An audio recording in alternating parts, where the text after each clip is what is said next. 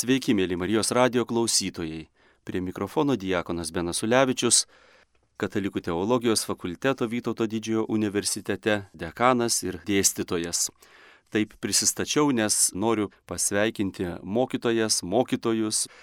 Man dabar labai smagu pamėginti atskleisti to mokslo ir žinių pasaulio svarbą kiekvienam iš mūsų katalikams. Katalikų bažnyčia iš tikrųjų mus moko, kad mokslas yra be galo vertingas, kad mes visuomet tikintieji esame mokslo draugai ir kad mokslas, kitaip tariant, tas mokslinių metodų mums pateikiamas pasaulio pažinimas neprieštarauja mūsų tikėjimui, bet iš tikrųjų visada, jei tai yra autentiškas mokslas, jeigu jis atliekamas griežtai laikantis mokslinių tyrimų reikalavimų, šis mokslas dera su apreiškimo turiniu, su tuo, ką mes tikime, žinodami apie Kristų, apie Dievą. Taigi noriu pasidalinti keliomis mintimis. Pirmiausiai tai tokia įdomi kalbinė detalė. Lietuvių kalboje mes vartojame žodį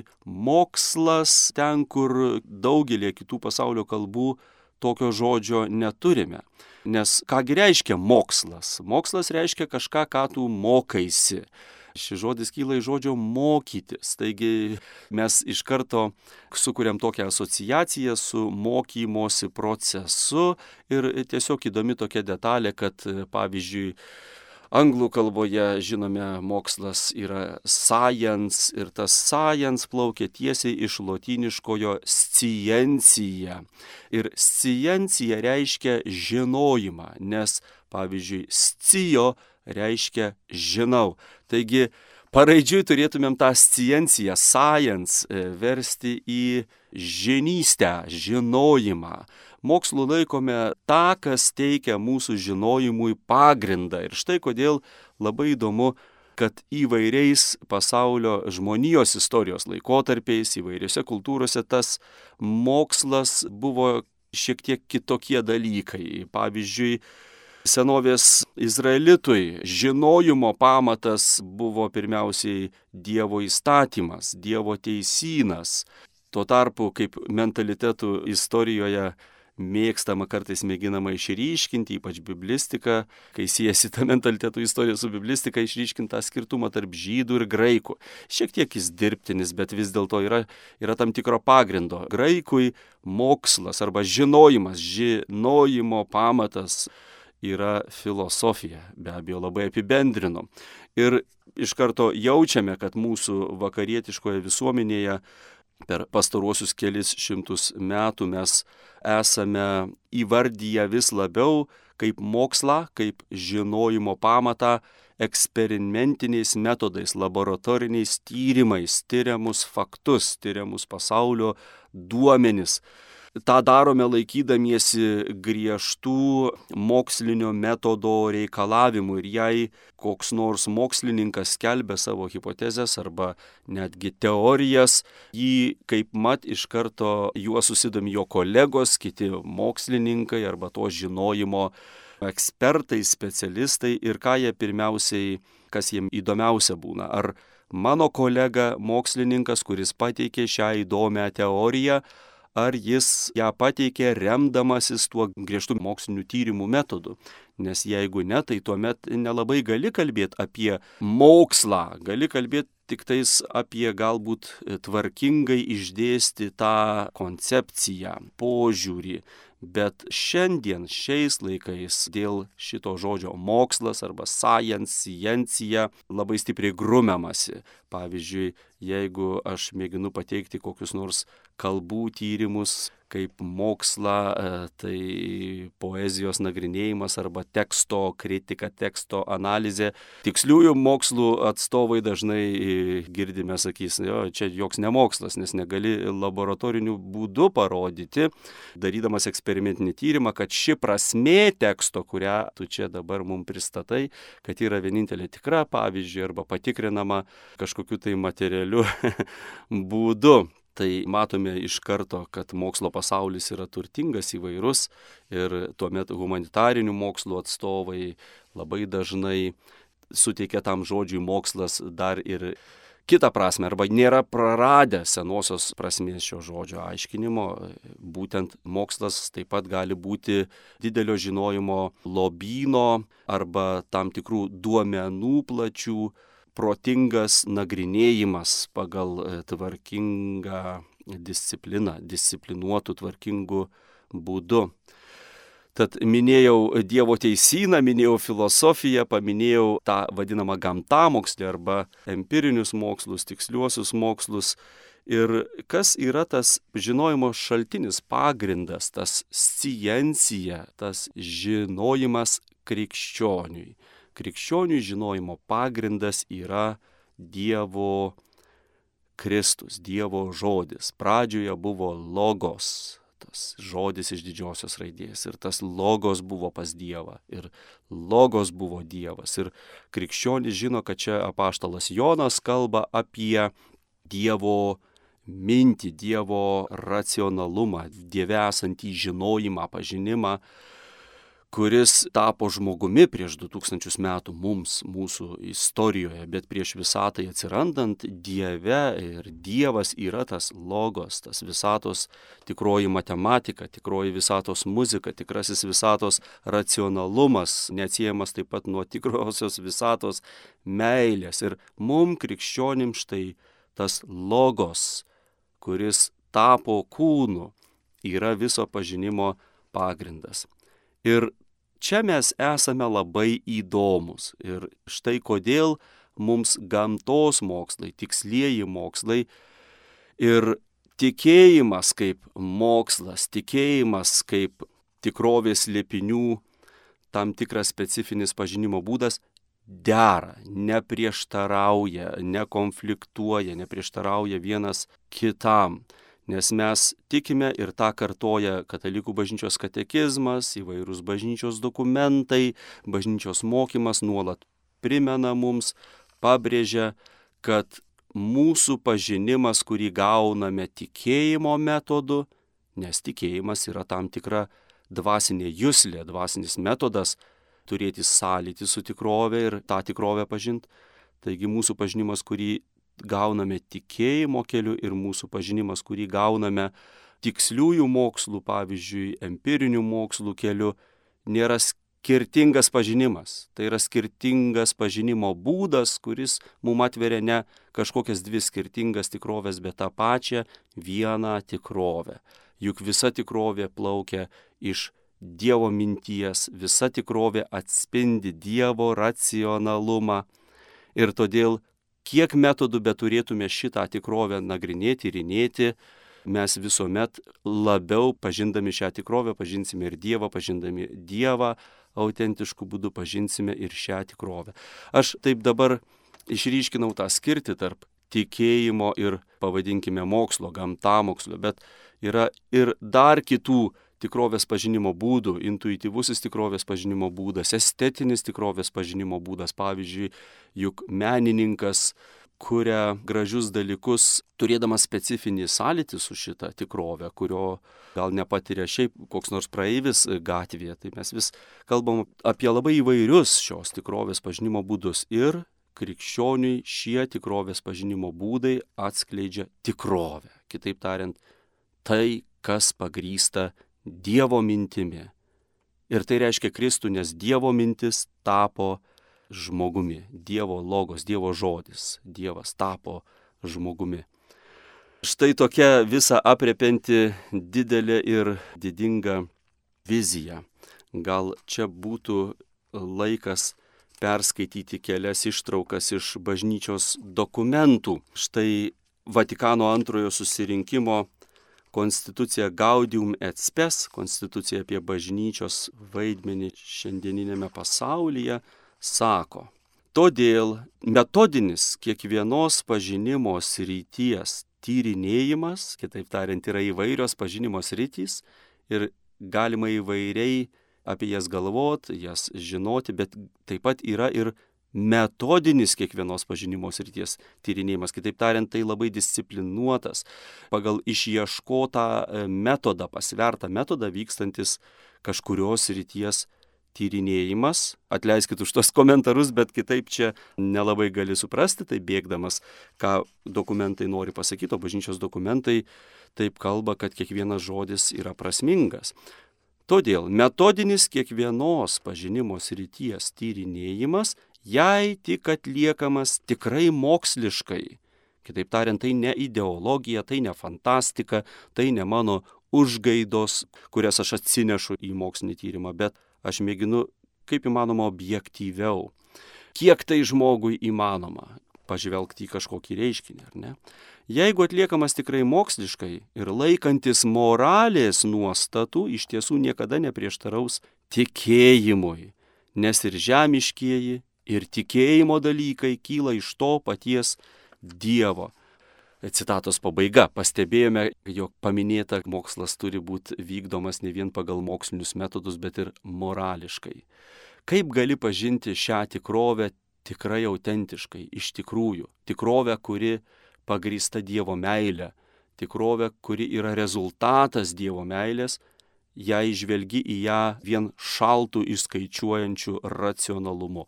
Neįmanoma. Pažinsi kažkiek, pažinsi faktus, pažinsi daugybę atskirų fragmentų, bet visuma įmanoma tik jei gebėsi įjungti meilę, kuria šis pasaulis yra sukurtas. Ir tai reiškia, kad mokslinėme tyrimė nuolat bus keliami ir moraliniai klausimai, vertės klausimai, tikslo klausimai. Ar aš tyrimą darau piktais tikslais, ar aš mokslinius tyrinėjimus vykdau siekdamas žmonijos ir pasaulio gerovės ir tobulėjimo. Norėčiau dar pratest tą citatą. Čia mes esame Gaudium et spes, mano minėto dokumento 36 pastraipoje. Toliau tęsiama. Maža to, kas nuolankiai ir atkakliai stengiasi išvelgti daiktų paslaptis, O kiek daug telpa čia šiuose keliuose žodžiuose. Pirmiausiai, nuolankiai, be arogancijos.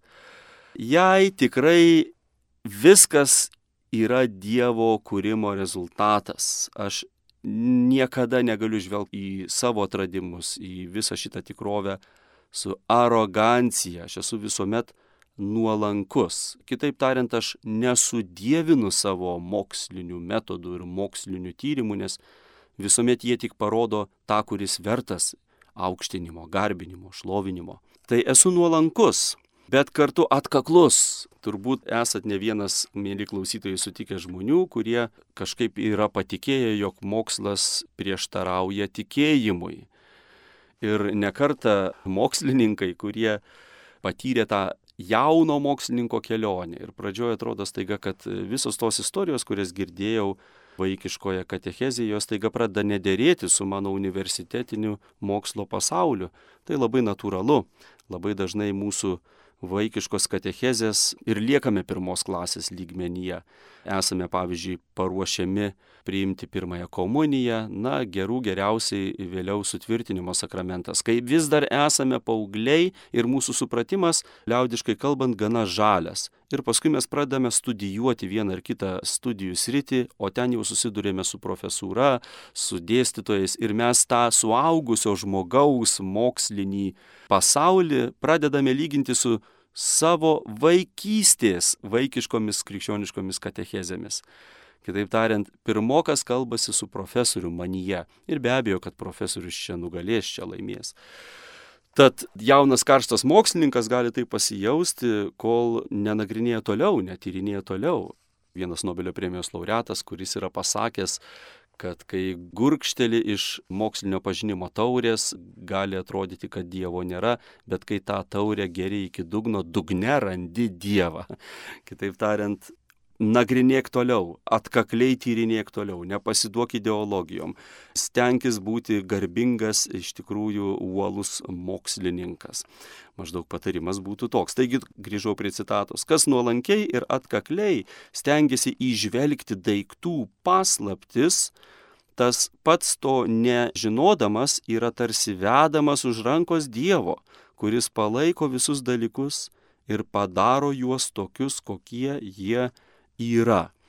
Čia bažnyčia mums pasako, kad tikrai sąžiningas mokslininkas su meile tyrinėdamas sukurtą į pasaulį iš tikrųjų yra vedamas už rankos Dievo. Tai yra ko ne dvasinė veikla, nes tai, ką tyrinėjai, yra ne kas kita, bet pirmoji Dievo knyga. Katalikų bažnyčios katekizmas taip ir vadina šį sukurtą į pasaulį. Tartum pirmasis šventasis raštas, pirmoji knyga, kuri mums atversta, yra kūrinijos knyga. Tai gali toks tyrinėjimas virsti į tam tikrą dvasinį skaitimą. Skaitau toliau. Todėl tebūnie mums leista apgailę stauti dėl tam tikro nusiteikimo tarp pačių krikščionių, nepakankamai išvelgusio teisėtą mokslo autonomiją. Kitaip tariant, gaila, kai kurie krikščionys turi nusiteikimą, kuris neįvertina mokslo autonomijos, teisėtos mokslo autonomijos. Skaitau toliau. Tokio nusiteikimo sukelti nesutarimai ir ginčiai daugelį privertė galvoti, kad tikėjimas ir mokslas prieštarauja vienas kitam. Tad laikas šios laidos yra ribotas, aš norėčiau pereiti prie dar poros kitų minčių. Tik noriu užtvirtinti, mes, katalikai, džiaugiamės moksliniais tyrinėjimais. Mes džiaugiamės astrofizikos, fizikos, tiksliųjų įvairių kitų mokslų, biochemijos. Na, kiek tik jų egzistuoja visų mokslų pasiekimais. Ir jais žavimės, nes jie atskleidžia mums Dievo kūrinijos tikrovę ir tai priartina mus prie pačios Dievo minties. Ir kaip jau minėjau, mūsų užduotis todėl yra mokslo nesudėvinti, nes jei Dievo nėra, tada aš lieku vien su savo moksliniais metodais. Ir mano laboratorinio tyrimo rezultatas yra paskutinis žodis šitoj tikroviai. Ir krikščioniui taip nėra, mes įvertinam laboratorinių tyrimų rezultatus ir sakome, bet tikrovė yra slėpinys, paslaptis. Ir paskutinis žodis yra tartas Dieve ir Dievo. Čia yra tik tais vienas tyrimas, jis po kelių metų gali atrodyti visai kitaip ir daugybė faktorių man čia dar nėra žinoma. Bet lygiai taip pat kita vertus mes krikščionys ir nesudvasiname neteisėtai tikėjimo srities ir, ir Dievo, kadangi mes mylim viską, ką Dievas su ir vertina mokslinį metodą, mum tikėjimas Dievu tvirtai stovi dviem kojom ant žemės. Dievas nėra pakibęs kažkur tai, kažkoks tai mūsų abstraktus supratimas. Dievas yra sukūręs pasaulį ir mūsų kūrė šitame pasaulyje ir šita visa tikrovė regima ir neregima yra mums harmoningai darniai susijusi. Ir tai yra nuostabu. Todėl mes švenčiame mokslo ir žinių dieną taip džiaugsmingai. Mes mylime mokslą, mes mylime visą tikrovę, mes mylime Kristų ir tai mums yra tas pats dalykas. Tik tai svarbu neprarasti teisingų prioritetų. Ir štai kodėl verta investuoti. Verta investuoti į mokslo sritį. Verta pažinti, verta ieškoti ir mėginti sužinoti. Tačiau labai svarbu, kad mes to nedarytume tiesiog vedami smalsumo, nes pažinimas mumise gali veikti taip pat skirtingais būdais. Ir išmintingi žmonės skiria bent jau dvi tas pažinimo sritis. Duramžiais jos buvo skiriamos ir bažnyčios tėvai apie tai kalbėjo. Vienas pažinimas yra tartum lapės pažinimas. Išniukštinėdama prabėga daugybė, daugybė krūmelių, bet niekada nestapteli ties nei vienu dalyku. Ir kartais mes nagrinėjom kažką, tyrinėjame vien vedami tokio, na, visiškai tuščio smalsumo ir dažnai netgi tai nuveda mus į kažkokias lėkštas sritis. Na, turbūt žinome, kad ne vienas žmogus labai mėgsta tiesiog nagrinėti kitų žmonių gyvenimus ir ypatingai žymybių, tų žvaigždžių, arba stebėti, kokie nauji daiktai pasirodo. Ir kartais, na, tai nėra blogas dalykas savaime, bet kai susipainioja prioritetai, staiga tu esi įsikibęs į kažkokį naršymą internete ir negali sustoti, tavo maldos apleidžiamas, tavo šeimos gyvenimas apleidžiamas, tu pradedi nekreipti dėmesio į savo mintis, tu pradedi vis mažiau pažinti save, pažinti tikrovę. Tad mūsų pažinimo gale visuomet turėtų būti Dievo rankose, kaip ir mes patys. Mes galėtume švęsti šitą pažinimą kaip mūsų misija gerinti pasaulį ir jį priartinti prie Dievo. Duosiu kelis pavyzdžius. Pavyzdžiui, pastebime, kad visuomenėje vis dar tebetrūksta susikalbėjimo. Sakau vis dar, nes po didelių karų visuomenė labai dažnai taip, uh, pasipurtydavo ir sakydavo, viskas daugiau tai niekada nepasikartos. Mes išmokome pamoką ir kurį laiką žmonija būdavo žmoniškesnė. Bet vėliau viena, antra, trečia karta nepatyrusios šitų suspaudimų, sunkumų, karo, vis mažiau reikia atjautos, nes gerbuvis aprūpina vis daugiau žmonių ir atrodo, kad iš manęs kaip ir nieko labai nereikia, valstybė visko pasirūpina ir staiga mes pradam nesusikalbėti, nes savo nuomonę laikome pačia aukščiausia, nesugebama į, į, išgirsti kitų. Ir man kaip universiteto dėstytojui ir pažįstančiam universitetinį gyvenimą atrodo kartais, kad čia net netikėjimo klausimas, mums tiesiog trūksta universitetinio bendravimo kultūros. Žmogus, kuris patyręs universiteto erdvę, linkęs daug mažiau būti kategoriškas, kristi į kraštutinumus, į ideologinius paribius, nes jis negali išvengti kito, solidaus mąstytojo greta, kuris, pavyzdžiui, atstovauja kitą mokslų sritį, žvelgia arba nagrinėja tą pačią problemą, aiškinasi kokią nors problematiką šiek tiek kitais metodais, visuomet vyksta debatai, žinojimo pasidalijimai, keliami ir etiniai, ir moksliniai klausimai, tokioje erdvėje, kurioje visi yra bendražygiai ir kolegos. Šios pajautos, jei nelieka visuomenėje, tai mes iš karto virstame į kažkokių tai partijų grumtynių lauką. Ir tai yra labai liūdna. Man atrodo, kad privaloma, būtina, kiek įmanoma, kad daugiau žmonių patirtų šito universitetinio bendravimo kultūrą. Ir tai nereiškia, kad viską įspręstų automatiškai, tačiau atneštų daugiau kuklumo, tam tikros pagarbos, gebėjimo susikalbėti, ką jau reiškia vien tai, kad studijuodami mes sužinome, jog įvairios kultūros ir įvairūs mąstymo būdai tą pačią kalbą vartoja skirtingais būdais, yra skirtingi kalbėjimo metodai.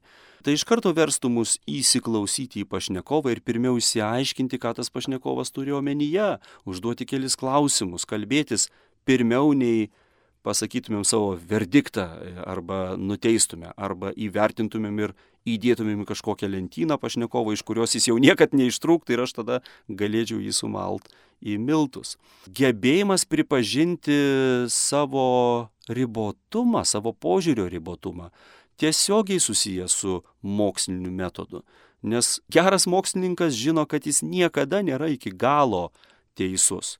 Nors jis gali būti labai labai solidžiai išnagrinėjęs kurią nors rytį ir išmanyti ją tūkstančius kartų geriau nei diletantas gatvėje.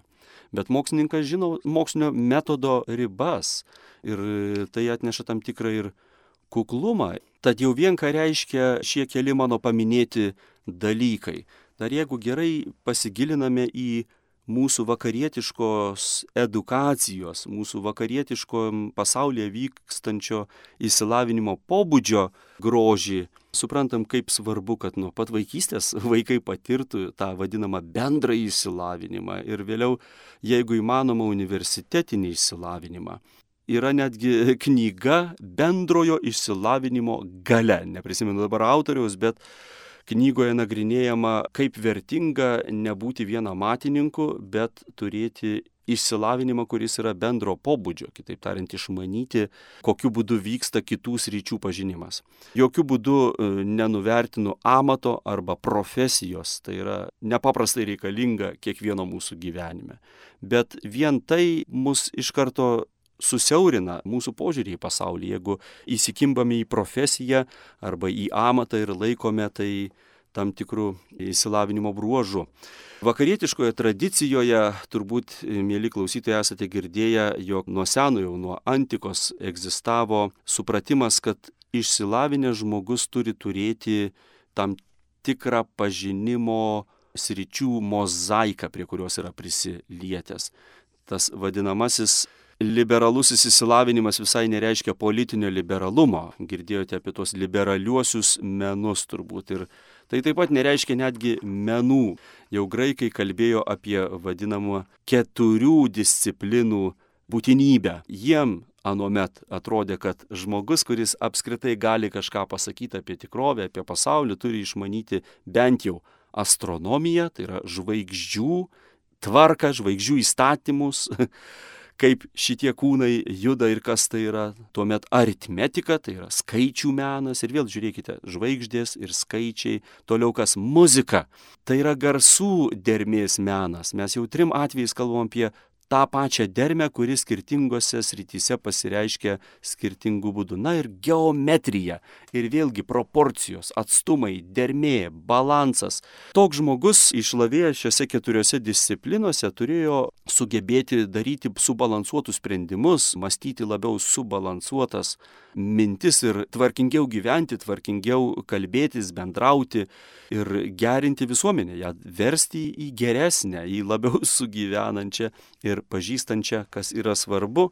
Dar prie šių keturių, to vadinamo kvadrivijum, buvo pridedami kaip parengiamosios disciplinos retorika, tai yra kalbos dermė, kalbos harmonija, galime sakyti, dialektika arba logika. Logika ir vėlgi, ką reiškia pasvertas pažinimas, kokiu būdu teiginiai gali būti pagristi arba nepagristi, kiek daug racionalumo yra logikos moksle ir taip pat gramatika. Kitaip tariant, kaip mintis išsireiškia tvarkingais žodžiais. Tai ir vėlgi matome tikslumas ir tvarka skirtingose srityse. Septyni šitie laisvieji gebėjimai, reikėtų sakyti, nemenai, gebėjimai šiuose septyniose srityse ir keliavo per vakarų mūsų civilizacijos istoriją. Viduramžiais buvo suprantama, kad filosofija apgaubia šiuos septynis gebėjimus. Teologija taip pat labai svarbi čia, nes visa kalba apie tą pačią tvarką, tik skirtingais metodais patiriama ir pažįstama. Ir dabar taip labai paprastai iš karto paklausiu, ar net kreipiame dėmesio į tai, kad mokyklose mes kalbame apie bendrąjį išsilavinimą. Ir bendrasis tai nereiškia toks truputėlį to truputį ano. Tai reiškia, kad privalo vienos disciplinos meilę kažkaip papildyti meilę kitai disciplinai, nes viena mokslo sritis arba pažinimas, išmanimas vienoje siauroje srityje yra nedaug vertingas, jeigu aš nesieju jo su bent kažkokiu nutokimu, kaip kitos mokslo sritys veikia, kokiais metodais jos atliekamos.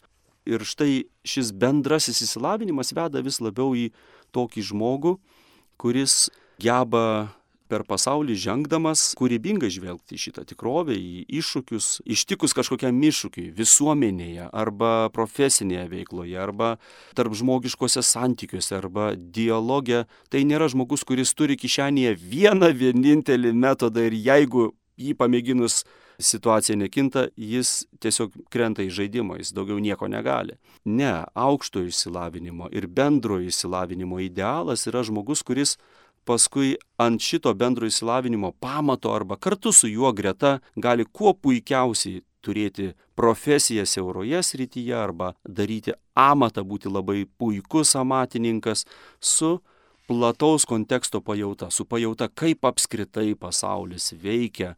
Ir tuo pačiu būdu iškart grįžtų laidos pabaigoje prie tikėjimo. Ir kokia yra Dievo mintis. Ir kaip žvelgiant į šitą pasaulį, kuris taip suderintas įvairiais nuostabiais būdais, kad įvairios mokslo sritys taip gražiai nuostabiai atskleidžia šitą dermę skirtingais metodais, koks turėtų būti suderintas mano sielos pasaulis, mano darybių rinkinys manyje, nes aš esu pats įstabiausias Dievo kūrinys. Juk tuo, kad galiu nagrinėti tikrovę šitiek mokslo metodų, šitiek meno pavydalu ir būdų pažinti tikrovę, aš galiu šią tikrovę išgliaudyti šiais metodais, tai rodo, koks ypatingas esu. Tai rodo, kad tas Dievo nurodymas viešpataukite visiems kūriniam duotas Adomui ir Jėvai pirmai porai, šis karališkumas, į kurį žmogus pašauktas, iš tikrųjų yra iš dalies ir mokslinė užduotis ir mokslo misija. Pažinti, mylint, mylėti pažįstant, tikėti pažįstant ir išpažinti tikint, pakiliejant viską į Dievo šlovę ir Dievo didesniai garbei ir džiaugiantis Dievo sukurtuoju pasauliu. Tai yra nuostabi užduotis. Tiek daug ant stalo buvau pasidėjęs dar nuostabių dokumentų, nepaskaičiau, mūsų laida jau baigėsi, tik atkreipsiu dėmesį į nuostabų taip pat dokumentą, tai yra Vatikano antrojo susirinkimo, krikščioniškojo auklėjimo deklaracija gravisimum edukacionis. Ir deklaracija kalba apie auklėjimo ir švietimo ir edukacijos, kitaip tariant, lavinimo įvairiose srityse grožį, svarbą, kuriant bendrąją gerovę, darant visuomenę žmoniškesnę. Tad nuostabieji Marijos radio klausytojai, džiugu, kad esate, džiugu, kad Marijos radijas taip nuostabiai prisideda prie tos švietimo ir edukacijos misijos, kur taip dera tikėjimo ir kitos perspektyvos dermė čia visuomet Marijos radijoje, džiaugiamės ją. Tad ir likime su Marijos radiju, su Dievu, likime sveiki ir guvus ir džiugus tiek moksleiviai, tiek tėveliai, mamos, tiek studentai, dėstytojus visus taip pat sveikinu, profesūrą. Dievas yra, Dievas žino, kur mes esame. Tai yra geriausia, kas mums galėjo nutikti ir su laisva džiugia širdimi leidžiamės akademinio gyvenimo keliu, mokslinių tyrimų keliu, garbindami Kristų, garbindami Dievą trejybėje su Dievu, mėlyjeji. Prie mikrofono buvo Benas Ulevičius.